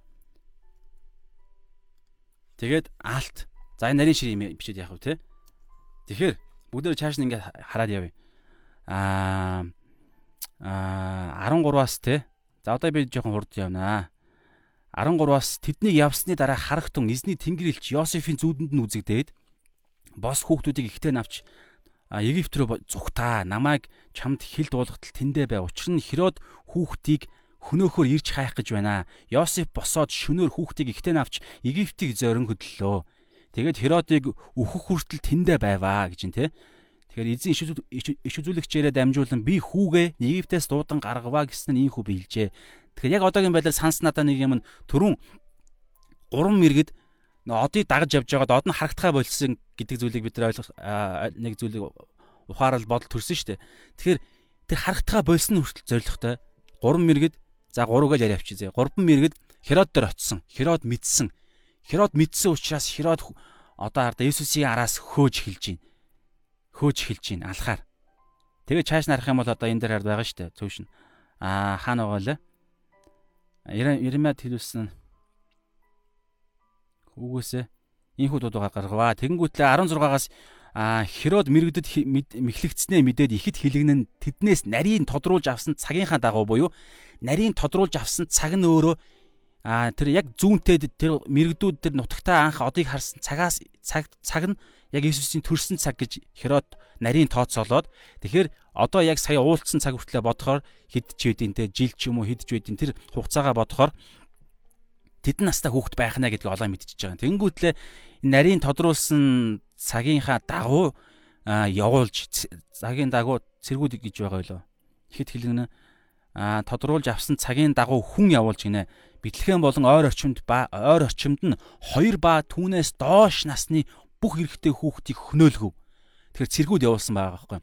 Тэгэхээр ардаа 2 ба түүнээс доош нас. Тэгэхээр а Есүс 2 а тухайн мэрэгдүүд ирсэн ирсэн байж болох хугацаанд төрснөөс хойш 2 ба түүнээс доош жил өнгөрсөн байсан гэдг нь эндээс харагдаж байгаа. Тэгэхээр Херод ч гэсэн үүнийг олж мэдээд тэгээд тухайн Бэтлехемд байсан бүх 2 ба түүнээс доош насны бүх эрэгтэй хүүхдүүдийг бүгдийг нь алсан байгаа. Тэгэхээр хамгийн гол нь түрүүний хэлэх гээдсэн санаа нь энэ нь шүү дээ те. Иш үзүүлэгч Иремьягаар хилүүлсэн нь тэгэхэд биелэгдсэн агаад гэж байгаа сте. Тэгэхээр иш үзүүлэгч иш үзүүлэгчийн тэр зөгнсөн зөгнөлийг Херод өөрийн мэдлгүй а биелүүлсэн байгаа даа байхгүй юу? Биелүүлсэн гэсэн санаа. Өөрөө итгэдэггүй мөртлөө өөрөө тэр иш үзүүлэлгийг те нөгөө түр Мика 5:2 дээр байсан шүү дээ. Битлэхэнд манай арт түмний миний арт түмний миний арт түм болох Израилийн хончин гарна гэдэг энэ иш үзүүлэлгийн биелэлийг зогсоох гэж энэ аллага энэ те энэ нууц зал хууль дааныг явж байх явцдаа тэрээр өөр нэг иш үзүүлэлгийг биелүүлсэн байгаа байхгүй. Тэгэхээр эндээс юу харагдаж байна? Бурхан тэгээ бурхан а хүний а хүний те зайлмих хүний зайлмих арга ухаан ухаанаас хамаагүй хол тэ давуу а хүч чадал тэ хүч чадал хүч ухаанаараа ухаанаар ажилдаг аа ажилдаг ажил нь ийхүү төлөвлөгддөг төлөвлөгддөг гэсэн нэг юм санаа. Энийг бид нар хаанаас гаргаж байгаа юм? Бүгд ишлээ тавь. За тэгтээ энэс өмнө юу байгаа шүү дээ. Ерөнхий маань юу байгаа лээ? Матай энийга копи хийгээд аа Матай одоо энийга 13-аас шууд нэг болгоно. Каст дуусах учраас тий 13-аас 23. 23. За тэгэхээр энэ дунд энэ дундаа яг ямар ишлэлээ түрүүнийх нь? А Херод үүнийг биш ээ. Явсан дараа харагтун тэнгэрлэгч ингээд Йосефт хэлсэн. Босоо зүхтаараа Египт рүү зүхтаараа гэж хэлж байгаа. Тэнгүүт нь хүүгээс энэ дээр хүртэл хардаа тэгээд Херодыг өөхөх хүртэл тэндэ байваа. Эзэн иш үзүүлэгчээрээ дамжуулан дахиад иш үзүүлэг. Өмнө бас гарч ирсэн те Бэтлехэм төрнө гэсэн иш үзүүлэг. Херодын өөрийнх нь дахилч нар нь хэлсэн нэг иш үзүүлэг үзүүлэг гарч ийн. Хоёр дахь нь болохоор энд Аа тэгээд Херодыг өөхөх хүртэл тэндэ байгаа. Эзэн иш үзүүлэгчээрээ дамжуулан би хүүгээ Египтээс дуудан гаргаваа гэдг нь харъя. Хосея 11-ийн 1 юм биш үү? 11-ийн 1 дээр бас ингэж хэлсэн юм байна. Хоёр дахь иш үзүүлэг штэ. За энэ бичгүй яах вэ? За яг нэг ингээ огч. Дараагаар нь та бүгд мань хуваараа бас бичиж болно те. За. За гурав дахь нь одоо энэ дахиад гарч байгаа нь Херод өөрийн мэдлэгүү те биелүүлсэн нэг иш үзүүлэг нь те. Иш үзүүлэгч Иремягаар хэлүүлсэн нь бэлэгцээ. Энэ бас Рамад Иремя 31:15 дээр байгаа юм биш үү? Иремя 31:15 дээр юу гэж иш үзүүлэгч Иремя хэлсэн бэ гэхээр Херодын иш үзүүлгийг Бэтлехэм төрөх иш үзүүлэг хаан болно гэдэг өдөртөгч болно гэдэг иш үзүүлгийг Херод зогсоох гэж явж байх явцдаа энэ иш үзүүлгийг өөрөө өөрийн мэдлэгөө биелүүлсэн байгаа байхгүй. Тэгэхээр тэрээр өөрөө бол Библи мэдэхгүй. Угаасаа бурхандаа итгэдэггүй хүн л дээ. Тэр утгаа Израиль юдэ үндэсний ч хүн биш. Идом гаралтай хаан гэж байгаа. За тэгэнгүүт талаар да ихэд гашуудан Иремья 31:15 дээр юу гэж байна вэ гэхээр ихэд гашуудан уйлахдуу Рамад сонстов. Рахел хүүхдүүдийнхээ үйл төлөө уйлнаа. Тэд нь үгүй болсон тул тэрээр тайтгал авахыг үл хүсвэ гэдэг энэ санаа. Санаа явж байна. За би тэгээ бас энэ энэ тал дээр бас урд нь би бас судалж ирсэн нэг мэдээлэл байгаа л да. Тэр нь юу вэ гэхээр энэ хардаа Рама гэдэг энэ газар байгааз Рама гэдэг газар хаан байдаг талаар би А ямар ч үсэн Рама гэдэг газар Израилийн нэг тийм газар байд юм билэ. Тэгэхээр тэр газар нь болохоор жоохон тийм өндөрлөг газар гинэ. Тэгээд яг бодиттой одоо ч гэсэн яг байдаг тэр нэрээрээ байд юм шиг байгаа. Тэгэхээр энэ Рама гэдэг энэ газарт биш тий түүхэнд хоёр удаа а асар их тийм Израильчүүдийн хувьд хоёр удаа түүхэн гашуун аимшигтай нэг тийм түүхэн үйл явдал аллах болсон юм байна л да түүхэндээ. Энийг бичгээс одоо яг Иесусийн төрөлтөөс өмнө энэ Иесусыг алах гэж явж байгаа энэ Херодын энэ цэргүүдийн аллагаас өмнө хоёр том нэг юм алга өвлэн гашуун уйлан гашуудл болсон гинэ. Нэг нэг нь хаана вэ? Хоёр дахь нь хаана вэ гэхээр өмнөд хойд Израиль 10 Израилийн хойд Израилийн 10 овг аймаг а Ассирчуудад манай эртний өмнөх 722 онд эзлэгдээд тэнд булан эзлэлт явагдаж байх үед энэ Рама дээр асар их аллаг болсон гинэ асар их аллаг асар олон Израилийн хүмүүс тэнд ард иргэд нь хүссэн. Хойд Израилийн 10 10 овг аймгийн. Тэгэхээр тэнд нэг тийм аллаг болсон. Израилийн хүүхдүүд үүлэн гашуун. Хоёр дахь нь хизээ вэ гэхээр өмнөд Юдагийн хоёр овг байгаа шүү дээ. Өмнөд Юда аймгийн Юда овг, Бинамин овг хоёр овгоос бүрдсэн өмнөд Юда бас Вавилон чуудад Вавилон гүрэнд бас эзлэгдээд манай эртний өмнөх 700 586 онд Вавилончуудад эзлэгдэх тэр булан амжилтын үеэр бас Рамад ийм аллаг болж исэн. Тэгэхээр энэ энэ өндөрлөг энэ газар дээр ийм хоёр алга болсон гинэ. Тэгэхээр тэр утгаараа энэ Израильчуудад Израиль тэгэхээр Рахайл гэдэг энэ үг нь ямар учиртай мэ гэдээ бас судалж байхад Рахайл чи өөрөө хардаа хуучин гэрээндээ эхлэл номон дээр байгаа штэ. Рахайл хэм билээ танаа санаж байгаа бол хиний а Яаков түрүү ярьсан те Авраамийн хүү Исаак, Исаакийн Исаак нь хоёр хүүхэдтэй байсан. Том ах нь Исав. Исаваас Едомчууд гараад Едом нь Едомын Едомчуудаас гарсан энэ Херод хаан одоо юм алга хийгээд байна. А Исав байгаа яг Исаакийн хоёр хүүхдийн том за ихэр гэдэг ихэр хүүхдүүд л та. Гэхдээ төрүүлж гарсан учраас ах нь Исав ах нь байна. Хоёр дахь нь Яаков байна. Яаковаас 12 ов гарсан шүү дээ. Тэгэхээр Яаков өөрөө энэ 12 хүүхдүүдэд төрүүлэх төрүүлэх 12 хүүхдүүдийг төрүүлсэн хоёр за хоёр биш юм байна. Дөрвөн а их их байгаа. Тэрнээс хоёр нь яг албан ёсных нь ихнэр нь хоёр нь ихнэрүүдийн шивгч нар нь тэгээд энэ эгчдүү хоёр байгаа. Тэр Ля Рахайл гээд эгч нь Ля охин дүүн дүүн болохоор Рахайл. Яаков өөрөө яг Рахайлтай хайртай байсан боловч Рахайл нь одоо тийм хүүсэр буюу үр үр хүүхэд гаргах тийм боломжгүй байсан. Тэгээд эгчдүү хоёрын хооронд хүүхдүүдээ хүүхэд нөхөртөө хүүхэд гаргаж өгөх юм одоо энэ бараг тулаан юм болж исэн байгаа байхгүй. Тэгэл тэгээ тэгээ залбирч байсан бурхнаас гуйж исэн. Тэгээ бурхнаас гуйж гуйж байсан Рахайлтэй хүүхдүүдтэй хүүхдтэй болмоор энэ бурхан надад та хүүхд өгөөч. Эсвэл нөхөртөө та өнөөдөр надтай манад хамт унтаач. Надад хүүхд өгөөч. Игч минь олон хүүхдүүд гаргачлаа гэд. Тэгээ Рахайлаас хоёр хүүхд гарсан. Йосеф, Бенамин те. За тэгээ Йосефоос аа тий сансан юм нь Йосифос хардаа бас хоёр хүүхэд гарсан юм байна л та. Тэнгүүт нь Манасэ, Ифраим гээд а Йосеф ч өөрөө Египтүүдийг авраад бас өөрийнхөө а өсөглөнгөө үеэр бас өөрийнхөө ах дүүсээ авардаг штэ. Тэгээд 70 овг аймаг Египтэд байрлаад тэгээд 430 жил 400 жил тэнд байгаа тэгээ боочлогдоо тэндээс гарах үйл явц юм эхлэлээс гэтлэл номны үйл явц энд болдог. Тэгэхээр Йосефос Йосеф өөрөө тэр Египтчүүдийг захирч байх үедээ түүнээс гарсан хоёр хүүхэд нь Манасэ Ифраим. Тэгэхээр Ифраим нь болохоор ардаа яг Библи судлаач нар ингэж үздэг юм байна л да. Ифраим нь аа юу хойд Израилийн 10 овг аймгийг төлөөлөө тэр чигээр нь төлөөлөөд Ифраим гэдэг нэрээр илэрхийлж болдгийм байна. Би яг яагаад ингэж болдог судалгааны би мэдэхгүй ч гэсэн ингэ сонссон юм байна. А өмнөд Юудаг болохоор бас тэр хоёр овг аймгийг төлөөлөөд Манасаа гэдэг үгээр төлөөлөж болдгийм байна л та. Тэгэхээр хардаа Рахалийн хоёр ач нь хардаа энд Рахалийн хоёр хүүхдийн нэг Йосеф шүү дээ. Тэгээ Йосеф нь хоёр хүүхэд буюу Ифраим, Манасэ. Тэгэхээр нэг одоо энэ дээр хардаа а Матай 18 дугаар бүлэг дээр байгаа Рахайл хүүхдүүдийнхаа төлөө уйлнаа. Тэд нь үгүй болсон тул тэрээр тайтгарл авахыг үл хүсвэ. Хаан вэ гэхээр Рамад гэж байгаа сте. Тэгэхээр Рама гэдэг тэр өндөрлөг газар дээр хойд Израилийн 10 овг аймаг буюу Рахайлийн а нэг ач нь болох Ифраим баг зөгнөгдөж илэрхийлэгдэж болдог хойд Израильчууд Ассирчуудад булаан эзлэгдэж байх үедээ Рама тэгж аллуулж ирсэн. Өмнөд Юудаан буюу Манасаа гэдэг Рахалийн ачаа ачаар төлөөлүүлж болдог тэр өмнөд Юудаан а Вавилончуудад те манай эртний өмнө 586 онд булаан эзлэгдэж байхдаа бас Рамад аллуулж ирсэн. Тэгэхээр энэ иш үзүүлгийг хэн блэ эн чинь Еремя те Еремя энэ иш үзүүлгийг хэлсэн байгаад байгаа байхгүй юу? Тэгэхээр энийг Матай ном Матай зохиогч өөрөө энийг энд гаргаж ирээд хэлсэн. Яг энтэй адилхан зүйл аа тий Рама гэдэг чинь нэрээ битлэгэнтэй ойролцоо байдаг шүү. Бараг битлэгэндээ байдаг санагдаад байна. Битлэгэнтэй ойролцоо байдаг тийм өндөрлөг газар юм байлээ.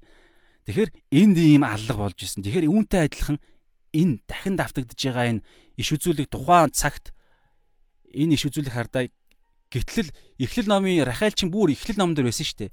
Тэгээ тэрнээс бүр хойшоо саяны хоёрын өмнөд хойд энэ Израильчууд Юуда ингэж алуулж ирсэн энэ үйл явдал болсон байгаа юм. Тэгэхээр Еремягийн иш үзүүлсэн иш үзүүлэг нэг тухайн хуучин гэрээндээ нэг биелэгдсэн. Тэгээд дараа нь шинэ гэрээ эхлэх энэ эхлэх гэж буу энэ үед бас ингэж биелэгдэж байгаа гэсэн санаа явж байгаа.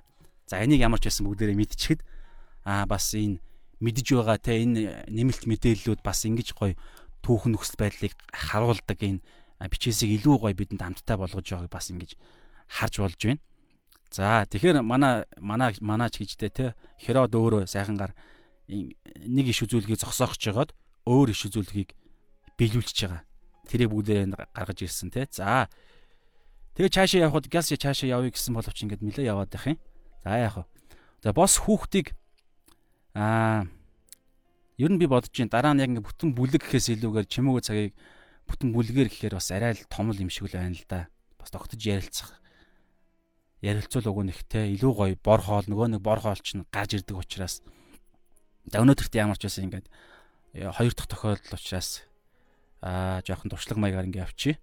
За тэгээд Есүс аа тэгээд ингээд Есүсийг амжиж иш үзүүлэгч хэлсэн учраас Йосеф зүуд нойрондоо эхнэр эхнэр болон хүүхдээ аваад Египт рүү явсан. Египт рүү явж байгаа. Тэгэхээр энэ хүртэл өөрөө бас иш үзүүлэгчээр бас айлдсан нь биелүүл биелсэн те Египт би хүүгээ Хосея 11-1 дээр би хүүгээ Египтээс дуудан гаргаваа гэдэг энэ энэ санаа. Тэгэхээр хараа Хосея за ингээд чааш нь юун яриул ингээд бас олон зүйлсүүд байдаг юм байл л дээ. Одоо энэ Хосея гэдэг ном чинь өөрөө маш чухал тийм ном шүү дээ. Та нар мэдж байгаа бол те Хосея чи өөрөө янхан хүнтэй бие үнэлэгч эмэгтэйтэй суусан бурхны одоо иш үзүүлэгч хүн байхгүй.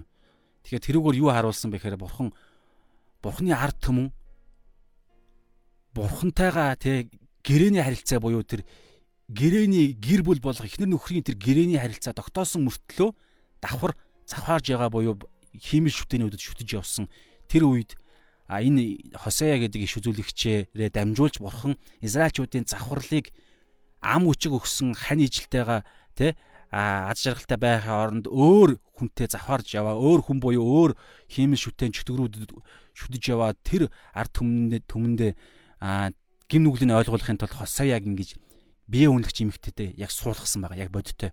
Тэгэхээр тэр үедээ а тэр үед хосоя маань ингээ ойлгож ухаарсан Израиль ард түмэнд хэлсэн үгэн дунд нь те би хүүгээ Египтээс дуудан гаргаваа гэсэн санаа.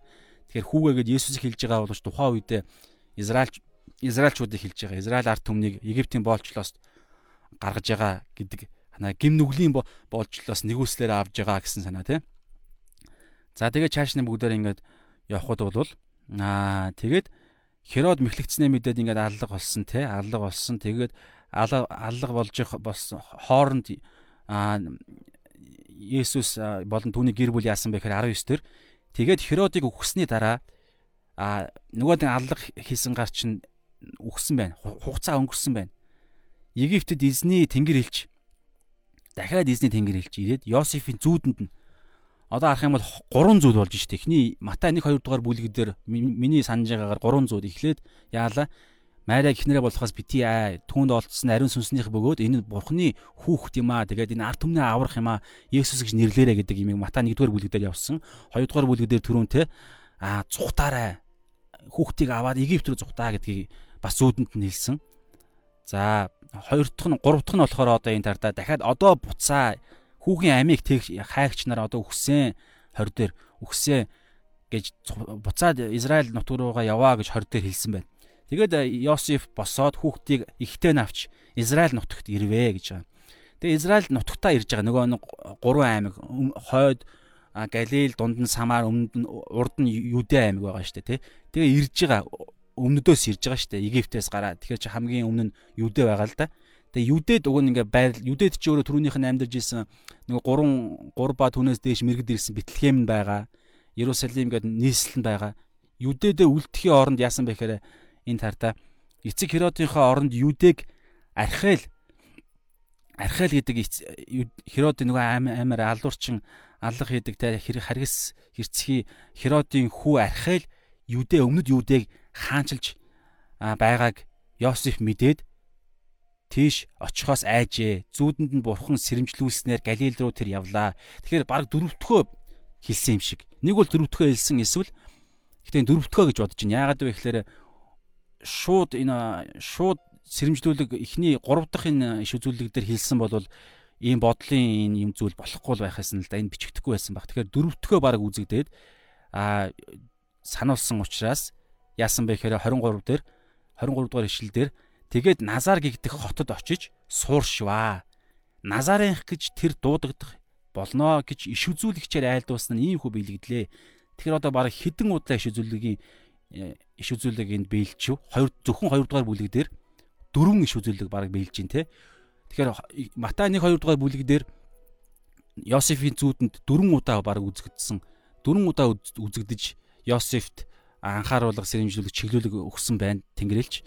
За тэнгуүтлээ бас Матай бичээч маань өөрөө энийг бичгтээ юдэчүүдэд энэ сайн мэдээд Есүсийн сайн мэдээг ингэж сайн мэдээд тараахын цагтлаа бичгээ бичгтээ бас энэ хоёрдугаар бүлэг дээр бас дөрвөн иш үзүүлэг буюу хуучин гэрээд бичигдсэн дөрвөн иш үзүүлгийг ингэж биелсэн юм а гэдгийг харуулж байгаа байхгүй. Тэгэхээр эндээс хардаа энэ Есүс Христ төрөлт нь энд та нар итгээ юдэчүүд та нар бүр илүү итгэх хэрэгтэй байна гэдгийг өгн Матай ийм зоригтой бичсэн байгаа байхгүй. Гэтэл юу болсон гэж та нар мэдж байгаа те. Одоо хүртэл Есүсийг ирээгүй ирнэгээ хүлээж байгаа юдэн шашин одоо ингээ үргэлжлээл явж байгаа. Гэтэл уг нь юдэн шашин чинь өөрөө юдэн шашин дээр суурлагдаад тэгээд шин шин дарсанд шин туламд шин гэрээ байгуулагдаад Христийн шашин за шашин гэдгээр нь явчих те. Христ итгэлийн юм юм болох хэвээр байтал Христ итгэл рүү орж чадаагүй тэд нар хит а энэ одоо юу гэдэг хүний энэ тогтсон энэ хязгаарлагдмал ойлголтоос итгэлгүй байдлаасаа болоод юдэн шашин одоо ингээ үргэлжилсээр л явна. Тэгэхээр энийг бас харуулж байна. За тэгэхээр ерөнхийдөө өнөөдөр ингээд манай цаг а чимээгөө цаг маань ерөнхийдөө эдгээр зүйлсүүдийг ингээд дурдлаа. Тэгэхээр саяны сүүл ярьсан зүйлсүүдээс тэмдэглэх зүйл юу байна бүгдээрээ харъя. За Матай тэг ерөнхийдөө дүгнээд дүгнэе. За Матай 13-аасаа бид нар ерөнхийдөө яасан бэ гэхээр а Египт рүү зүгтсэн те Египт рүү зүгтсэн. Тэгээ зүгтдах энэ болсон шалтгаан ингээд энд шизүүлгийг Херод өөрийн мэдлэгөө биелүүлчихсэн. За Египтэд зүгтсэн. За дөрөв би бичиж те дөрвөн удаа. За би ганц нэг тоо андуурсан бол та нар дараагаар өөртөө залруулад бодчоорой. Тэгэхээр дөрвөн Матай 1 болон 2 дугаар бүлэг бүлэг дээр нийт дөрвөн удаа Йосефийн зүүдэнд за тамаар бичээд яах вэ те тэнгэр тэнгэр илч үзэгдэж чиглүүлсэн л гэж зүгээр. Чиглүүлсэн. За тэгэнгүүтлээ одоо хардаа а энэ дотроож байсан яах вэ мөн мөн Матай а 2 дугаар бүлэгт бүлэгт а Матай бичээч маань өөрөө. Бичээч маань юдэчүүдэд а Есүсийн төрөлтөө Есүсийн төрөлтийг те төрөлтийг эртнээс байсан гэдгийг эртнээс байсан гэдгийг нь ойлгуулахын тулд хуучин гэрээний дөрвөн иш үзүүлгийг үзүүлгийг иш татан тэгээ иш татан бичсэн. За би биччихийдэх үү. Над ч гэсэн дараа нь хэрэгтэй. За бүгдээр ингээд газ харчих. Манай 2013 оны орчуулга ийм гоё ингээд гоё арт талтанд бичсэн байгаа байхгүй юу. За Юда нутгийн битлэгэмэ гэдэг энэ нөгөө нэг Херодын нэгдүгээрт энийг бичээ. Нэгдүгээрт Мика 5-ын 2 дээр юу гэж байгаа вэ? Бит зүгээр товчхон ганц өгүүлбэрээр ганцхан юугаар холбоогоор Битлехемд төрн гэдгийг за ингэ болно. Тэнгүүтээ 2 дугаарт хардаа. А 2 дугаарт ямар иш үзүүлэг байгаа вэ гэхээр м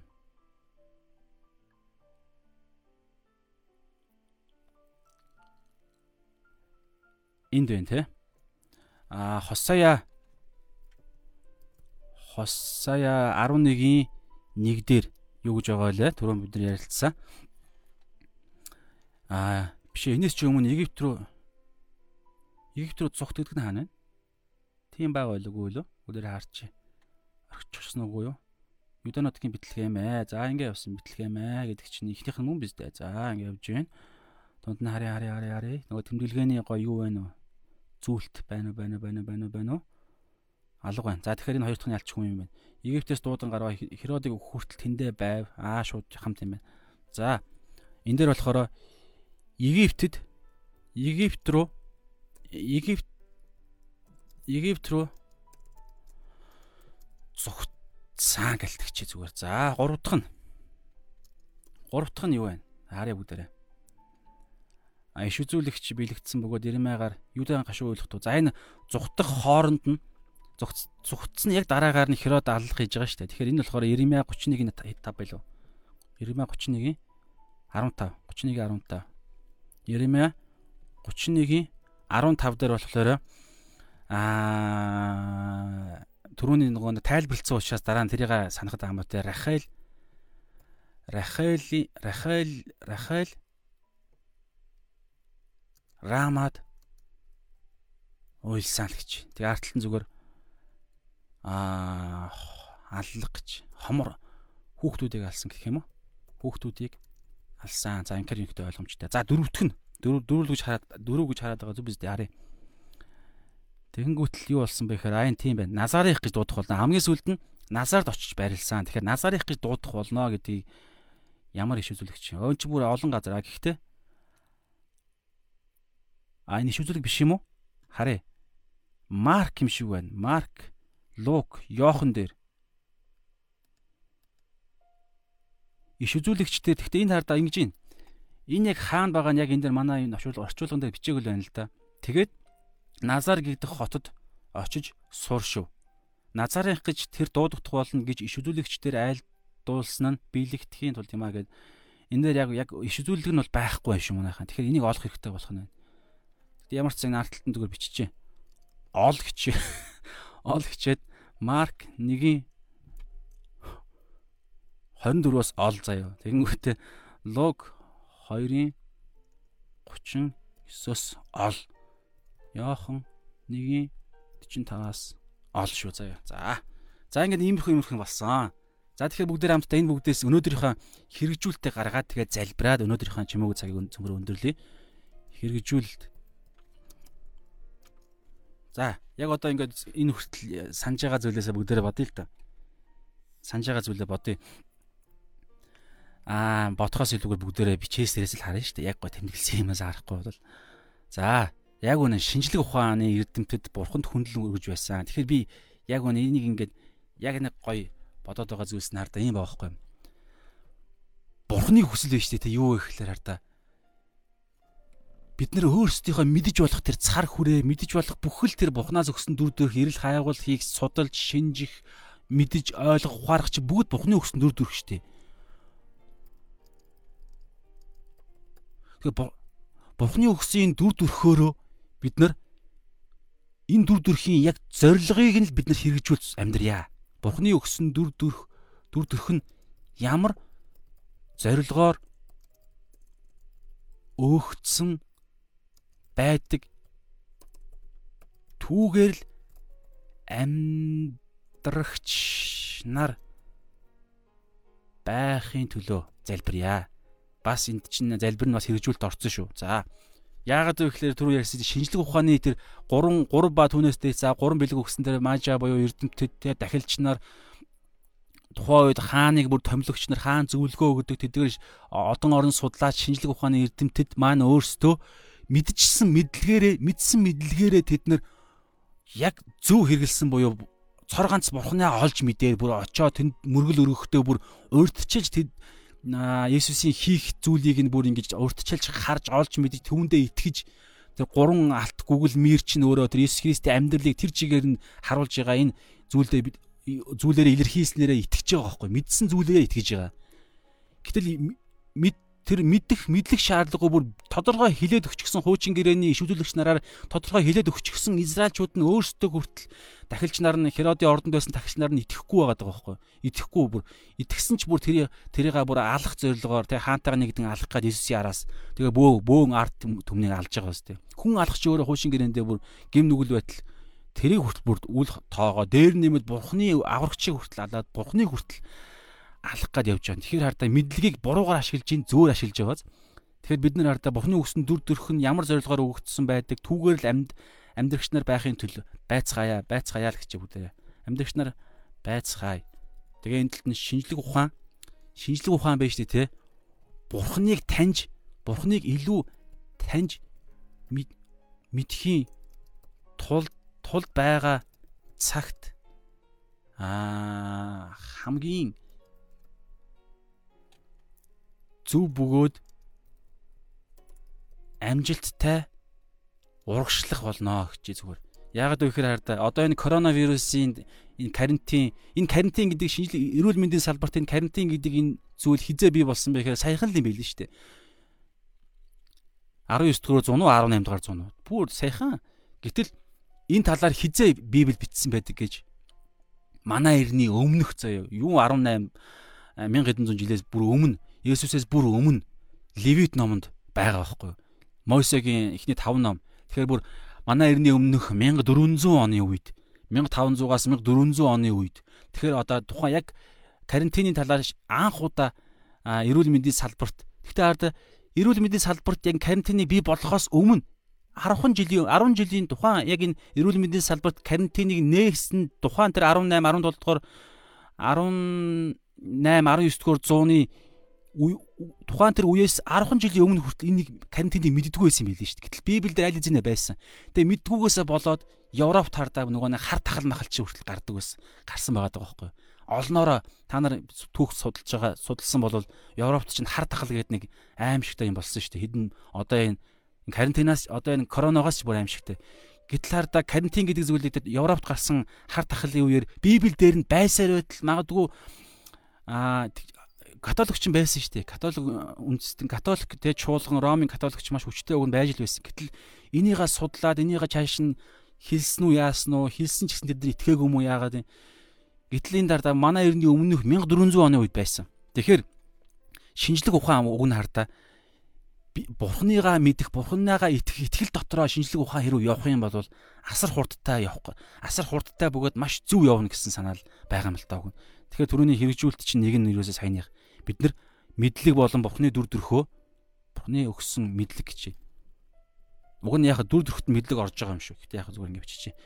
Мэдлэгээрээ бид нар бурхны яг тэр бурхнаас өгсөн зөв зорилгын дагуу бид нар хэрэгэлдэг баяа гэдэг хэрэгжүүлэлт. За хоёрдугаар хэсгээс нь ямар хэрэгжүүлэлт гаргаж болох вэ бүгдээрээ худлаа мөргөгчд а нэг нэгдүгээр хэсгийн 2 дугаар 8 дугаар ишлээстэй худлаа мөргөгчд байна гэсэн санаа байсан те. Тэгэхээр Херодын нөгөө хэлсэн юугаар мөргөё гэдэг хиллэгээр нь энийг гаргаж ирсэн дээ.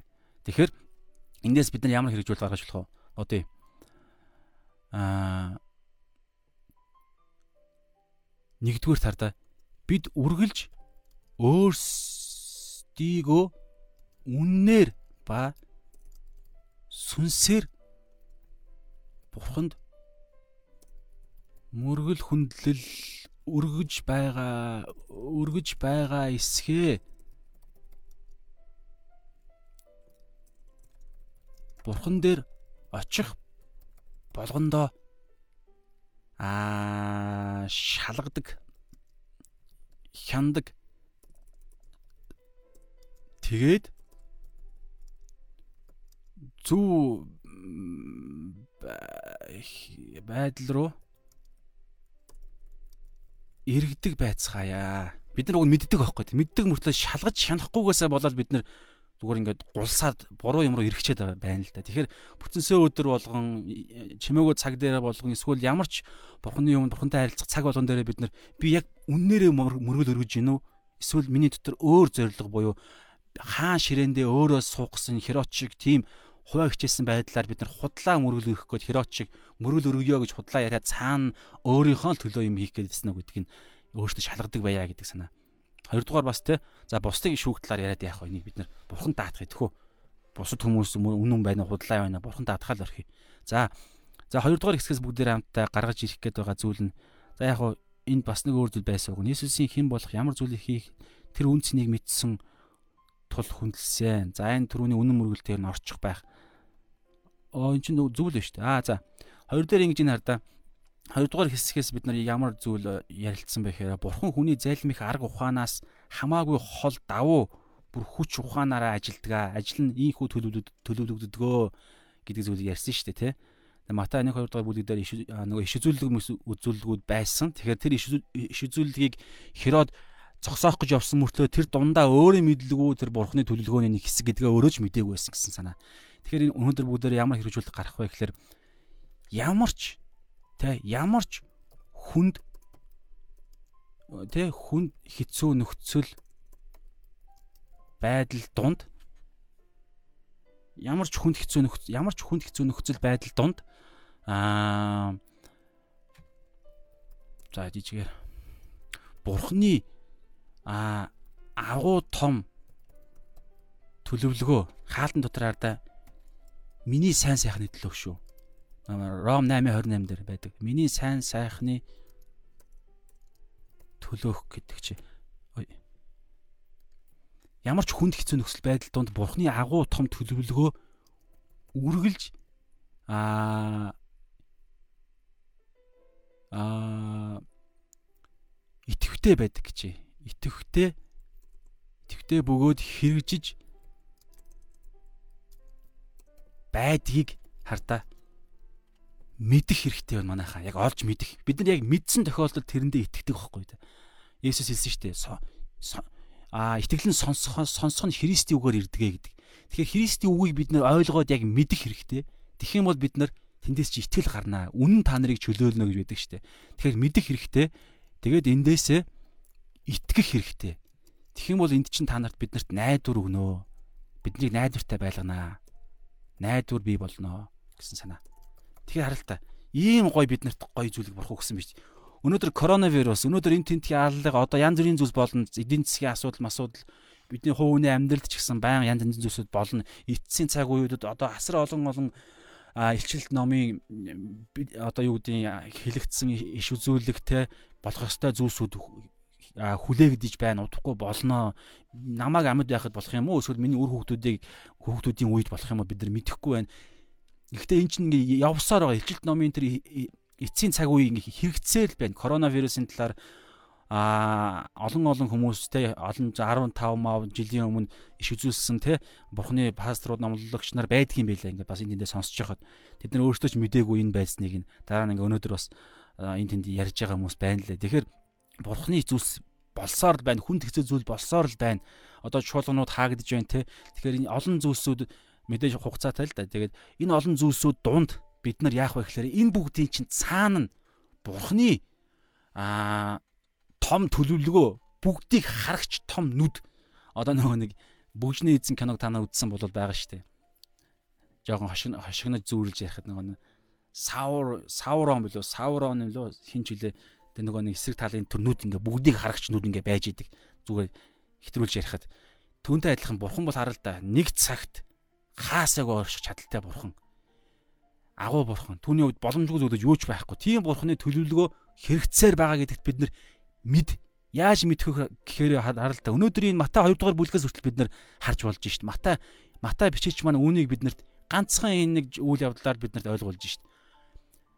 Херод хаан Бурхны ажлыг зогсоох гээд бүр мэдсэн мэдээд албаар зогсоох гээд хийж явах явцдаа тэрээр өөрөө мэдлгүй бурхны өөр нэг төлөвлөгөөний нэг хэсэг нь болоо явж аа өөрөө мдэг байгаад байгаа байхгүй. Тэгэхээр харалтаа Херод ч өөрийн гэсэн мэрэгүү ухааны хүмүүстэй маш зайлмигтэй асар их тийм чадaltaй хүн байсан мөртлөө тэрээр чадаагүй байхгүй да. Тэгэхээр өнөөдөр би бид нар ийм сул дорой хаан биш штэ бид нарт олон зөвлөгч нар байхгүй мөртлөө а бидний амьдралд болж байгаа олон зүйлсүүдээ бид нар зүгээр л итгий. Библийн өнөөдөр энэ мэдчлэн зүйлсүүдээс хараад бурхан бурхны төлөвлөгөө хэрэгжиж байгаа гэдэгт бид нар зүгээр итгэя гэдэг. За энийг бүгдээрээ барай залбирая. Тэгээ өнөөдрийнхөө цагийг өнгөрөөе. Өндөрлөе. Тэгэхээр нэлээд олон хугацаа өнгөрсөн ч гэсэн энэ эзний товлсон цаг байгаа. Эзний төлөвлөгөө хэрэгжиж байгаа. Өнөөдөр энд а харахаар хоёр хүн маань бид надтай хамт байна. Тэгэхээр бид нар хоёр ба түүнээс дээш буюу гуруула бид нар байна гэж харж байна. За би өөрөө ордын болов уу болов мэдэхгүй байна. Хоёр байсан ч гэсэн бид нар хоёулаа хамт байна.